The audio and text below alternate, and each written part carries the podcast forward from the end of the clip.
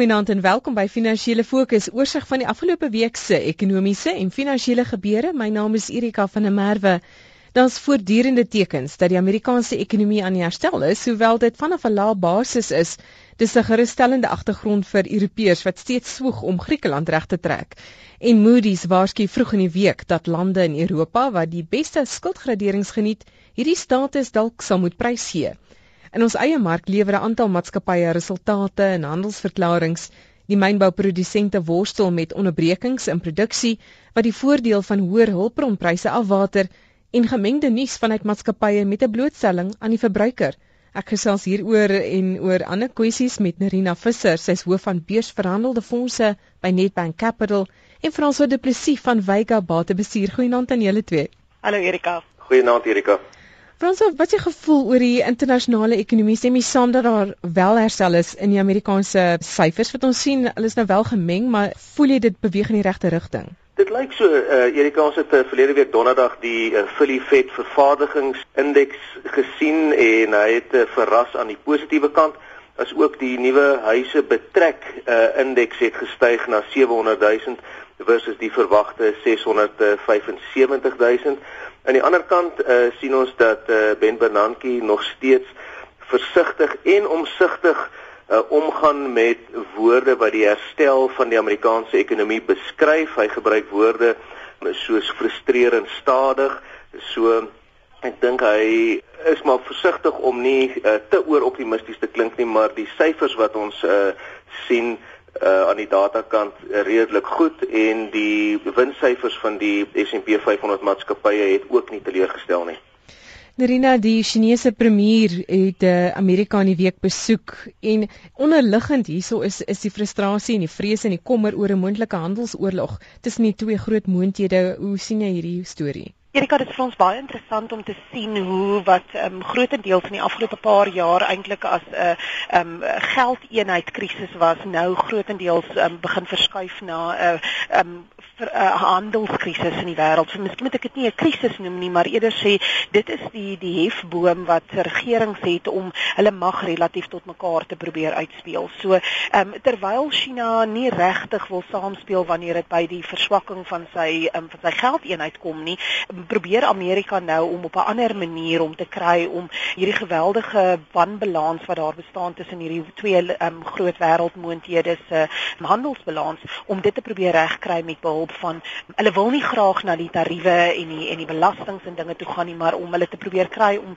om van self te sê weet jy wat ons sal nie ons produkte net hier op julle mark teen lae tariewe kom neersit nie. So dis 'n baie belangrike besoek wat ons die afgelope week gesien het en dit was tog vir ons interessant ook om te sien dat dit ook die week was waarin China toe gesê het dat hulle wel eh, 'n uh, vorm van ondersteuning vir Europese skuld gaan gee.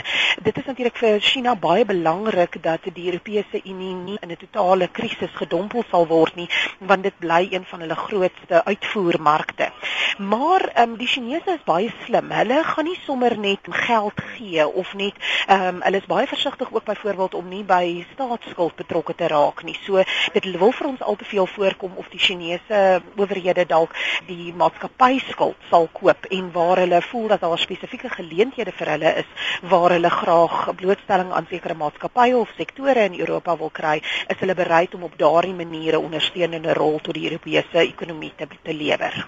Franse vroeg in die week het Moody's gewaarsku dat die drie lande in Europa wat nog die AAA status geniet ten opsigte van die gradering van sy soewereine skuld moontlik daai status gaan moet prys gee as gevolg van sy blootstelling aan die Europese situasie.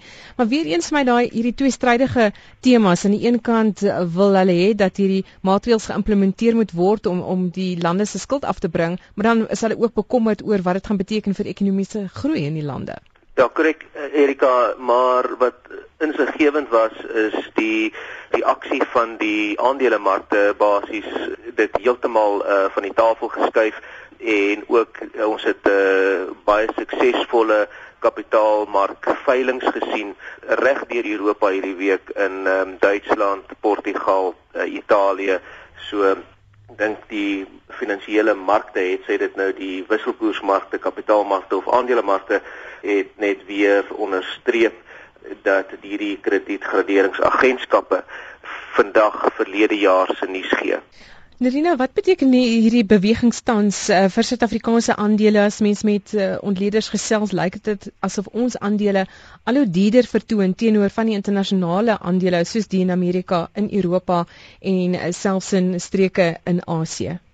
Jy weet Erika, ons moet ons moet tog onthou dat ons mark is is, is definitief nie net 'n een eenvormige ekwiteitsmark nie. Daar is aandele wat baie definitief um, internasionale aandele is, nie net omdat hulle in internasionale markte verhandel nie, maar omdat hulle definitief deur internasionale beleggers met hulle internasionale ewe knieë ver, vergelyk word. Ek dink byvoorbeeld spesifiek aan maatskappye soos SAB Miller of soos MTN byvoorbeeld. So daar is daar's hierdie deel van ons mark wat baie definitief gedryf gedryf word deur wat die internasionale belegger doen, hoe hy maatskappye waardeer, wat hy wat sy vooruitsigte is nie net vir die sektor nie, maar dan ook hoe sy eie um, sy vooruitskattinge is vir wat in die wêreldekonomie spesifiek gaan gebeur. En dan is daar die ander deel van ons mark wat baie meer gefokus is, nie net op Suid-Afrikaanse um, plaaslike groei en vooruitsigte nie, maar toenemend ook op die die suidelike Afrika en Afrika vooruitsigte. En en ons sien definitief 'n tweespoed mark mark hier. Ek dink ons het die afgelope ruk met Amerika wat definitief 'n bietjie beter begin vertoon, is dit asof die die internasionale um, belegger weer 'n bietjie meer risiko bereid is om te neem en ons het nogal gesien dat hulle dit op 'n interessante manier in ons mark doen. Alhoewel hulle op 'n netto basis ons aandele verkoop in ons mark, is dit juis hierdie plaaslike aandele wat hulle verkoop, maar dit is ons groot internasionale maatskappye en veral sekere van ons mynbou aandele en ook van ons internasionale maatskappye wat hulle baie graag koop. So ons sien dit nie noodwendig in die kontant en kapitaalvloeie na Suid-Afrika toe nie, maar ons sien dit definitief in in ons alle aandele indeks wat um, natuurlik gebaseer is op die gewig wat hierdie groot internasionale maatskappye dra in ons beurs. So uh, wanneer ons kyk na maatskappye soos Anglo's en Billiton en SAB Miller en MTN en Sasol en so aan, um, die internasionale beleggers uh, voel nog glad nie dat hulle oorgewaardeer is nie en dat daar definitief goeie vooruitsigte vir baie van daai maatskappye is en dit gee definitief nog 'n opwaartse momentum vir ons mark. Wat gebeur is wanneer hulle dan die plaaslike maatskappye verkoop, skep dit weer geleenthede vir die belegger in Suid-Afrika wat meer vertroud is met ons plaaslike mark om te kan sê, "Nou kan ek 'n bietjie die geleentheid gebruik om regtig waarde te gaan soek in ons eie mark en om onderskeid te kan tref tussen waar is die oorgewaardeerde en ondergewaardeerde aandele in ons eie mark." Inderdaad, Franse uh, baie kommentators gee ook vir Anglos en, en BHP Billiton as hulle aandeelkeuses as hulle kyk na die waardasies. Nou Narina se antwoord op my vraag was om te kyk na die plaaslike ekonomie en hoe jy via ons eie aandelebeurse blootstelling kan kry aan hierdie teenstrydige waardasies. Maar Frans, as jy kyk na die gemiddelde Suid-Afrikaanse belegger se blootstelling aan die aan die buitelandse mark deur middel van direkte belegging of dit nou 'n effekte trust is wat buitelands belê of direk in aandele in die buiteland, dis 'n baie lae blootstelling en baie waarskynlik nou dat ons waarskynlik in die volgende 10 jaar gaan buitelandse aandele veral in die ontwikkelde wêreld ons eie aandele uitpresteer investeer? Erika, Suid-Afrikaanse beleggers is nog steeds in 'n bevoordeelde posisie gegee die feit dat die JSE se gewig in die Morgan Stanley Capital Index opkomende mark myntjie 7% is en dit is gelykstaande aan Rusland en Indië wat uh, beide 7% gewig dra en alhoewel ons ekonomie heelwat kleiner is as die ekonomie van Indië en Rusland. En die rede daarvoor is omdat Suid-Afrika of JSE maatskappye het soos Anglo American, BHP Billiton, brouwerye, British American Tobacco wat 'n groot gedeelte van hulle besighede en winste in die buiteland genereer. So deur bloot belegging in hierdie maatskappye te maak hier in Suid-Afrika kry jy nog steeds blootstelling aan uh internasionale markte. Dink byvoorbeeld aan uh Naspers waar omtrent 70% uh, van die winste in die buiteland uh gegenereer word. Nerina, as ons kyk na van die maatskappy aankondigings, uh, ek dink 'n belangrike tema was die kleinhandel 'n maatskappy. Ons het kleinhandelsyfers gesien, die verkope vir Desember maand heelwat beter as verwag. En dan van die kleinhandelmaatskappye soos Woolworths wat resultate gelewer het. Hoe sien jy dit want hulle het nie almal dieselfde storie vertel nie?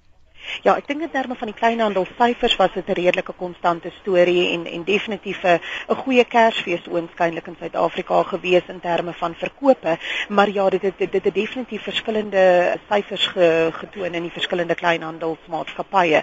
Woolworths het werklik 'n uitstekende stel resultate vir ons gewys? En is interessant om te sien dat baie daarvan het in die in die kosbedryf van van Woolworths het dit deurgekom, maar ek dink tog ook dat um, ons vind dat Woolworths die afgelope jaar of twee het hulle definitief definitief hulle klere afdeling um, het het baie meer aanklank begin vind by die by die deursnit gebruiker in Suid-Afrika.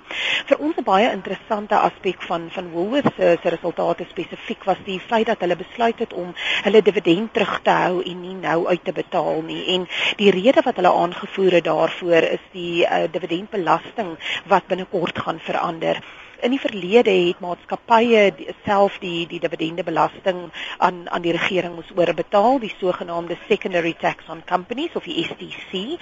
En vanaf 1 April verander dit dat hierdie belasting gaan nou direk op die ontvanger van die dividend betaalbaar wees. Nou die interessante ding vir ons hier is dat daar sekere entiteite soos byvoorbeeld pensioenfonde of trusts um, en sekere individue dalk ook um, sal kwalifiseer om nie die dividendbelasting te hoef te betaal nie. Met ander woorde waar in die verlede die maatskappy op sy volle dividendbetaling 10% aan die staat sou oorbetaal, gaan die dividendbetaling nou met 10% verhoog word want dit word nie meer uh, belas um, in die hand van die maatskappy nie. Dit word uitbetaal aan die belegger en dan moet die belegger moet dan nou aan die ontvanger van inkomste gaan bewys lewer of hy geregverdig is om of hy hierdie belasting moet betaal of nie.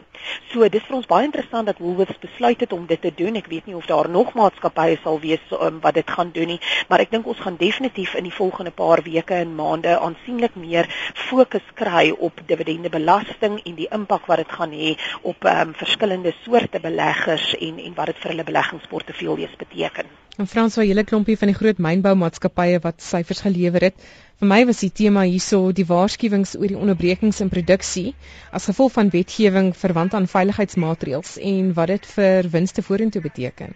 Heeltemal reg Erika en uh, saam met die aankondiging en die waarskuwings wat ons gesien het van um, Anglo Platinum en uh, Anglo Gold het ons ook syfers van uh, Impala gesien en hulle worstel tans ook met 'n baie uh, moeilike staking wat hulle al reeds omtrent 'n omset van 1.2 miljard rand se platinum verloor het. En om net hierdie syfer in konteks te plaas uh, vir die 6 maande wat verby is was hulle omsette 15.4 miljard rand. En uit die staat se oogpunt vir die 6 maande wat uh, verby is het uh, Impala Platinum uh, 1.6 miljard rand se belasting betaal en bykomend tot uh, hierdie 1.6 miljard se gewone maatskappybelasting was daar ook mynboubelasting van uh, bykans 500 uh, eh, miljoen rand. So mense kan uh, sien dat die mynmaatskappye 'n uh, geweldige groot bron van staatsinkomste is vir die staat en uh, hierdie voortsleepende staking wat ons sien by uh, Impala wat nou vir meer as uh, 25 dae voortduur is dit vir my geweldig interessant aan die een kant en in die tweede plek uh, kommerwekkend dat ons nog nie aksie of kommentaar van die departement van arbeid gesien het of uh, van die president self en uh, om, om betrokke te raak en uh, die uh, situasie te probeer ontlont of te besleg nie. Nerina, punt daarso wat Franse maak die invloed wat die regering het op ons ekonomie en wat dit beteken vir beleggers. Weet jy ons het definitief in die afgelope week na die staatsrede van president Zuma het ons baie definitief in die mark 'n verskuiwing gesien met baie meer aandag op die infrastruktuur en konstruksiesektore en een van die duidelikste bewegings daar was byvoorbeeld deur Ellen Gray wat reeds hulle aandeel in Avinch die konstruksiemaatskappy verhoog het. So ons verwag definitief dat daar meer daarvan sal gebeur in die volgende weke. En Franso, wat dit beteken vir die begroting hierdie week?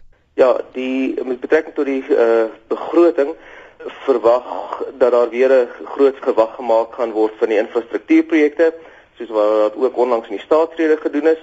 Die uh, groot vraag is met hoeveel die uh, publieke sektor se salarisse sal styg omdat uh, staatsskuld besig is om teen uh, so kommerwekkende tempo te uh, styg. Verwag sommige ekonome dat Suid-Afrika uh, se renterekening uh, bykans gaan verdubbel van die huidige 66 uh, miljard rand na 115 miljard in die 2014-2015 boekjaar. François Nerina baie dankie. François Du Plessis is van Vega Batebestuur, Nerina Visser van Nedbank Capital. My naam is Erika van der Merwe. Dankie dat jy saam geluister het. Volgende Sondag aand 20 voor 9 is ons weer hier so. Geseënde week vorentoe. Totsiens.